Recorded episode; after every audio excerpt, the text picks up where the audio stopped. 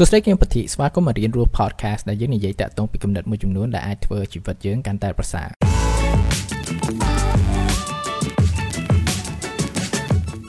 សួស្តីអ្នកទាំងអស់គ្នាថ្ងៃនេះដែរខ្ញុំចង់ចែករំលែកតាក់ទងពី concept មួយគឺថាការរៀនឬក៏ការសិក្សាតាមរបៀបអ្នកស្រាវជ្រាវម្នាក់ ជាធម្មតាពេលអ្នកស្ដាប់ជាលក្ខណៈ podcast របស់ខ្ញុំអញ្ចឹងខ្ញុំក៏និយាយច្រើនដែរតាក់ទងពីការអានអញ្ចឹងណាព្រោះថាចំពោះខ្ញុំការអានគឺជាទម្លាប់មួយដែលថាខ្ញុំ appreciate មែនតើប៉ុន្តែនៅក្នុង process នៃការអាននិងការស្វែងយល់នៅចំណេះដឹងថ្មីថ្មីអស់ហ្នឹងគឺខ្ញុំអត់មើលមកខ្លួនខ្ញុំជាអ្នកអានម្នាក់ប៉ុន្តែខ្ញុំខំប្រឹងធ្វើខ្លួនខ្ញុំជាអ្នកស្រាវជ្រាវម្នាក់គឺថាខ្ញុំមានអ្វីមួយដែលថាខ្ញុំចង់ដឹងហើយខ្ញុំស្រាវជ្រាវនិងយល់ដឹងតាក់ទងពីទាំងអស់ហ្នឹងជាធម្មតាគឺថាយើងតែងតែរៀននិងសិក្សាឬក៏អាននិងស្រូបព័ត៌មានច្រើនមែនតើប៉ុន្តែតើយើងស្រូបព័ត៌មានទាំងអស់ហ្នឹងវាក្នុងលក្ខណៈមួយដែលថាវា most effective សម្រាប់យើងអត់ព្រោះថាយើងអាចអានរាប់ម៉ោងយើងអាចសិក្សាតាក់ទងពីប្រធានបទមួយរាប់ឆ្នាំប៉ុន្តែយើងអាចនៅតែអត់ចាំឬក៏តាក់ទងពីចំណេះដឹងយើងគឺថាវាអត់បំលែងទៅជាអ្វីមួយដែរ កាន់តែប្រសើរទៀតហើយសម្រាប់ខ្ញុំការដែលខ្ញុំអភិវឌ្ឍខ្លួនហើយនឹងសិក្សាតាមរបៀបអ្នកស្រាវជ្រាវម្នាក់គឺថាវាធ្វើឲ្យការស្រាវជ្រាវរបស់ខ្ញុំវាកាន់តែ effective តាក់ទងពី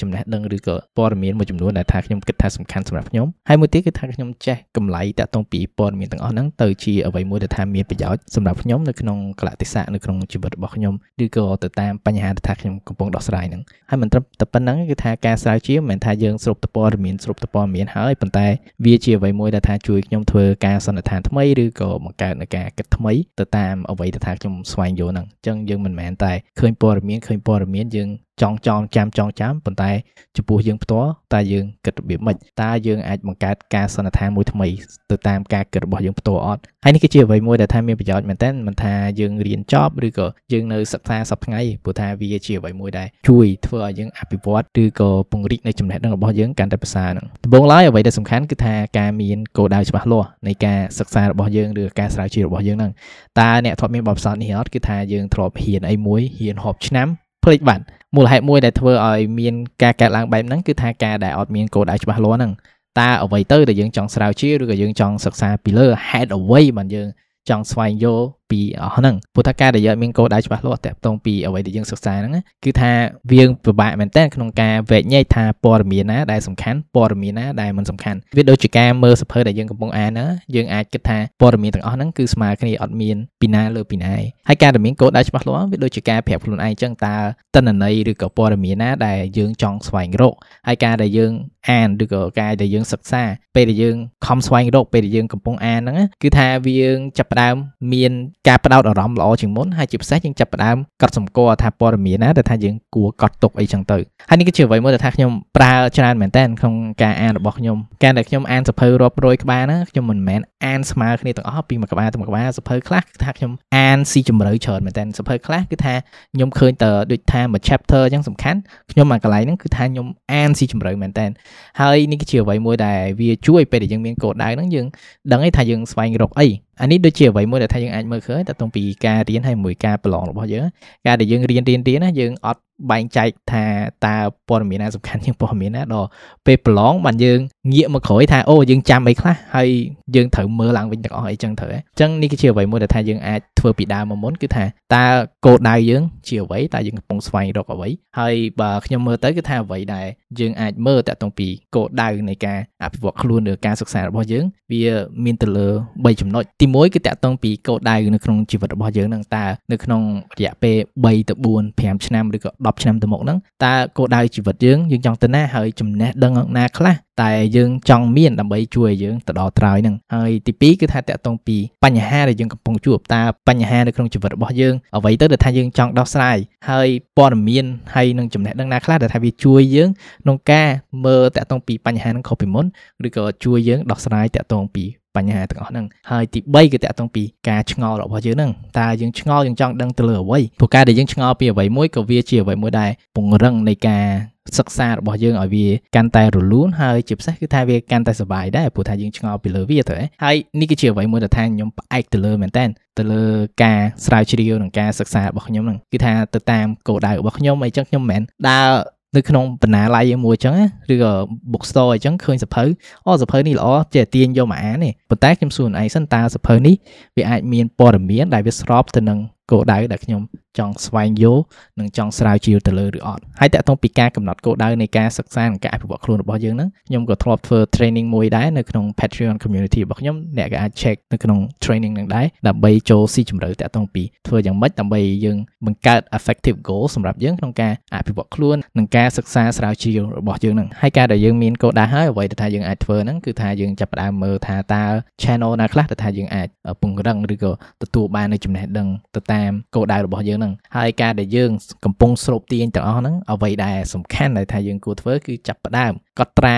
ទុកនៅ highlight ឬក៏គំនិតសំខាន់សំខាន់ពីអ្វីដែលយើងអានអ្វីដែលយើងសិក្សាហ្នឹងហើយនេះគឺជាអ្វីមួយខ្ញុំគិតថាសិស្សសិស្សជាច្រើនក៏ធ្វើដែរអញ្ចឹងណាពេលដែលយើងអានអញ្ចឹងយើង highlight យើងអីហ្នឹងប៉ុន្តែនេះគឺជាអ្វីមួយដែលវា passive មែនតើអ្វីដែលថាយើងអាចធ្វើបន្ថែមនៅក្នុងការកត់ត្រានិងការ note ទាំងអស់ហ្នឹងគឺថាយើងចាប់ផ្ដើមវាយវាបញ្ចូលនៅក្នុង database ណាមួយដែលថាយើងអាចទាញយកព័ត៌មានហ្នឹងមកបានយ៉ាងងាយស្រួលដូចចំពោះខ្ញុំណាការដែលខ្ញុំអានសភៅមួយចប់អញ្ចឹងខ្ញុំចំណាយពេលមើល highlight ខ្ញុំមកវិញទាំងអស់ហើយខ្ញុំវាយ highlight ហ្នឹងនៅក្នុង note របស់ខ្ញុំហ្នឹងអញ្ចឹងដល់ទៅថ្ងៃមួយខ្ញុំត្រូវទាញយកព័ត៌មានទាំងអស់ហ្នឹងហើយខ្ញុំអត់ចាំអញ្ចឹងណាខ្ញុំ ភ្លេចអីចឹងចឹងវាងាយស្រួលមែនតើព្រោះថាខ្ញុំដឹងថាខ្ញុំទៅស្វែងរកនៅកន្លែងណាត្រូវហើយនេះគឺជាអ្វីមួយដែលយើងគួរធ្វើបើយើងចំណាយពេលរាប់ឆ្នាំសិក្សាលើអីមួយយើងចំណាយពេលរាប់ឆ្នាំអានសភៅជាច្រើនប៉ុន្តែបើយើងអត់កត់ត្រាហើយទុកវានៅក្នុងលក្ខណៈមួយថាជាឯកសារដែលថាយើងអាច refer ទៅវិញអញ្ចឹងវាជាការខ្ជះខ្ជាយពេលវេលាមែនតើហើយចំពោះខ្ញុំគឺថាខ្ញុំមាន note រាប់ពាន់តាក់ទងពី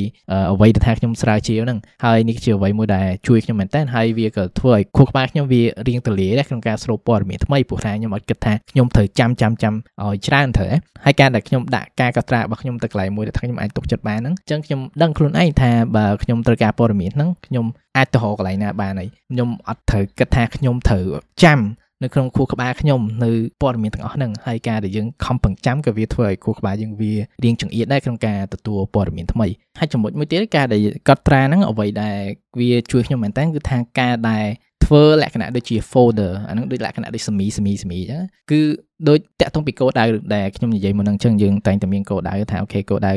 នៃការស្រាវជ្រាវរបស់យើងទី1នេះទី2នេះទី3នេះហើយយើងចាប់ផ្ដើមបង្កើតជា folder មួយមួយមកសមីមួយមួយមកតាក់ទងពី note ហ្នឹងអញ្ចឹង note ណាដែលវា align ជាមួយនឹងគោលដៅហ្នឹងយើងដាក់ទៅកន្លែងហ្នឹងយើងដាក់ទៅកន្លែងហ្នឹងយើងដាក់ទៅកន្លែងហ្នឹងទៅអញ្ចឹងវាងាយស្រួលមែនតើក្នុងការស្វែងរកនៅថ្ងៃក្រោយដូចនៅក្នុង noting app ភាគច្រើនដែលថាយើងប្រើហ្នឹងក៏វាមាន feature ក្នុងការបង្កើតជា folder ដែរអញ្ចឹងយើងដាក់នៅក្នុងហ្នឹងទៅវាងាយស្រួលហើយមួយទៀតគឺថាប្រសិនបើអ្នកចង់ធ្វើឲ្យការកត់ត្រារបស់អ្នកដូច note taking ហ្នឹងឲ្យកាន់តែប្រសើរជាពិសេសគឺថាជួយឲ្យយើងយល់កាន់តែភាសាគឺថាយើងកុំសរសេរតែអ្វីដែលថាគេ សរសេរឲ្យមកយើងដូចថាយើងអានសភៅអញ្ចឹង clear ហ្នឹងយើងសរសេរតាមគេ100%ទៅពេលយើងសរសេរហើយយើងចាប់ផ្ដើមគិតតើខ្ញុំនឹងបកស្រាយ clear ហ្នឹងឬក៏ខ្ញុំនឹងបញ្យោ clear ហ្នឹងយ៉ាងម៉េចតើបើខ្ញុំប្រើពាក្យខ្ញុំផ្ទាល់តើវាយ៉ាងម៉េចតើការគិតរបស់ខ្ញុំអីទៅតាក់ទងពីចំណុចហ្នឹងហ្នឹងអញ្ចឹងមានថាយើងកុំ passive តាក់ទងពីការទន្ទិញឬក៏ការចាំរបស់យើងដោយសារចាំខំចាំអា clear ហ្នឹង100%ប៉ុន្តែយើងត្រូវគិតយើងត្រូវ មើលថាកម្លៃនៃអត្តន័យហ្នឹងវាយ៉ាងម៉េចបើយើងប្រើពាក្យផ្សេងអីហ្នឹងហើយនេះគឺជាអ្វីមួយដែលជំរុញឲ្យការគិតរបស់យើងជាពិសេសថាពង្រឹងនៃការយល់របស់យើងហ្នឹងព្រោះថាការដែលយើងទន្ទិញយើងចាំរលมันមានន័យថាយើងយល់ទេការដែលយើងចេះបញ្យល់បានយើងយល់ទៅហ៎អញ្ចឹងយើងយល់សិនដោយបញ្យល់ខ្លួនយើងតាក់ទងពីទាំងអស់ហ្នឹងហ្នឹង កុំ copy paste កុំ copy paste ណាអូខេកន្លឹះទី3គឺតាក់ទងពីការភ្ជាប់ព័ត៌មានមួយទៅព័ត៌មានមួយទៀតមុនហ្នឹងខ្ញុំនិយាយដូចថាការដែលយើងមាន note ចឹងណាយើងដាក់នៅក្នុង folder ណាមួយប៉ុន្តែអ្វីដែលថាយើងអាចធ្វើបន្ថែមទៅទៀតគឺថាយើងចាប់ផ្ដើម tag វាហើយ tag system TAG ហ្នឹងក៏ជាអ្វីមួយដែលវាសាមញ្ញមែនតើនៅក្នុង noting app ហ្នឹងតើ note នីមួយៗហ្នឹងតើវាមានចំណុចប្រសពចំណុចរួមអីខ្លះទៅវាដូចជាការបង្កើត theme ឬក៏ context មួយចំនួនអញ្ចឹងវាងាយស្រួលសម្រាប់យើងក្នុងការ sort information ទាំងអស់ហ្នឹងហ្នឹងហើយជាពិសេសគឺថា connect the dot អានេះដូច theme មួយចំនួនដែលថាខ្ញុំមើលមកប្រើអញ្ចឹងទៅដូចឧទាហរណ៍ថាមាន theme មួយគេហៅថា purpose មាន theme មួយដូចថា goal setting ឬក៏មាន theme មួយតាក់ទងពី mindset អីចឹងទៅអញ្ចឹងយើងមើលតាក់ទងពីចំណុចប្រសពតាក់ទងពី theme ឬក៏ context ទាំងអស់ហ្នឹងហើយនេះគឺជាអ្វីមួយដែលពង្រឹងនៃការយល់របស់ខ្ញុំកាន់តែជ្រៅមិនថាមើលទៅសភៅមួយក្បាលហើយសភៅមួយក្បាលដែល like ដែល like ប៉ុន្តែមើលមកគឺថាតើសភៅ4 5ក្បាលដែលថាខ្ញុំអានមុនហ្នឹងតើវាមានចំណុចរួមនិងចំណុចប្រសពមិនដែរហើយបើអ្នកទាំងអស់គ្នាមើលតាក់ទងពី content ខ្ញុំធ្លាប់បង្កើតអញ្ចឹងខ្លះគឺថាខ្ញុំបង្កើតអញ្ចឹងទៅគឺថាវាពឹងទៅលើ4 5 source អីគឺថាមកពីសភៅនេះមក clear មកពីសភៅនេះមក clear មកពីការគិតពីសភៅនេះមកបន្តិចមកចឹងវាថាវាជាអ្វីមួយដែលថាវាជួយដែរព្រោះថាបើយើងមើលទៅអ្នកដែលស្រាវជ្រាវអ្នកសរសេរសភៅពីសភៅមួយក្បាលទៅមួយក្បាលគឺច្រើនមែនតើជា collection នៃការគិតមួយពី source ផ្សេងផ្សេងដែលអ្នកសរសេរនឹងធ្វើការសន្មត់ថ្មីមួយទៅតាមការស្រាវជ្រាវទាំងអស់ហ្នឹងអញ្ចឹងបើសរុបទៅគឺថាយើងចាប់ផ្ដើមមានគោលដៅឲ្យច្បាស់លាស់ថាយើងចង់សិក្សានឹងយល់ដឹងអ្វីទៅយើងចង់អភិវឌ្ឍខ្លួនឯងយ៉ាងម៉េចទៅហើយមួយទៀតគឺថាយើងចេះកត់ត្រានិងចេះរក្សាតកតងពីព័ត៌មាននិងទិន្នន័យដែលថាយើងបានសរុបទាញយើងគម្រានអ្វីមួយពីមួយកន្លែងទៅមួយកន្លែងឬក៏អានសភៅមួយចប់ហើយទៅមួយទៀតប៉ុន្តែចំណាយពេល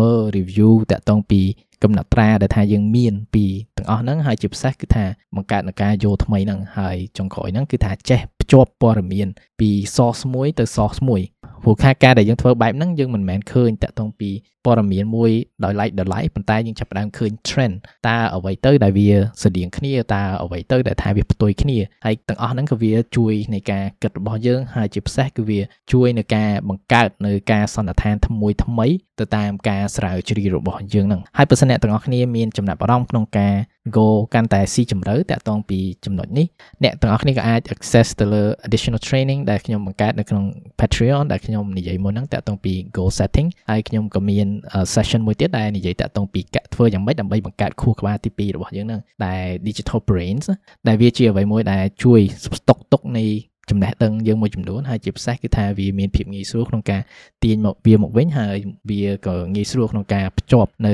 ព័ត៌មានថាយើងបានស្វែងយល់នឹងដែរហើយមិនត្រឹមតែប៉ុណ្្នឹងវាក៏ជាអ្វីមួយដែលជួយរៀនរស់ podcast បន្តទៅមុខដែរចឹងអរគុណមែនតើក្នុងការ consider ហើយក្នុងការស្ដាប់ពី podcast នេះចឹងចាំជួបគ្នាថ្ងៃក្រោយក្នុងអំឡុងពេលនេះអភិវឌ្ឍខ្លួនជានិច្ច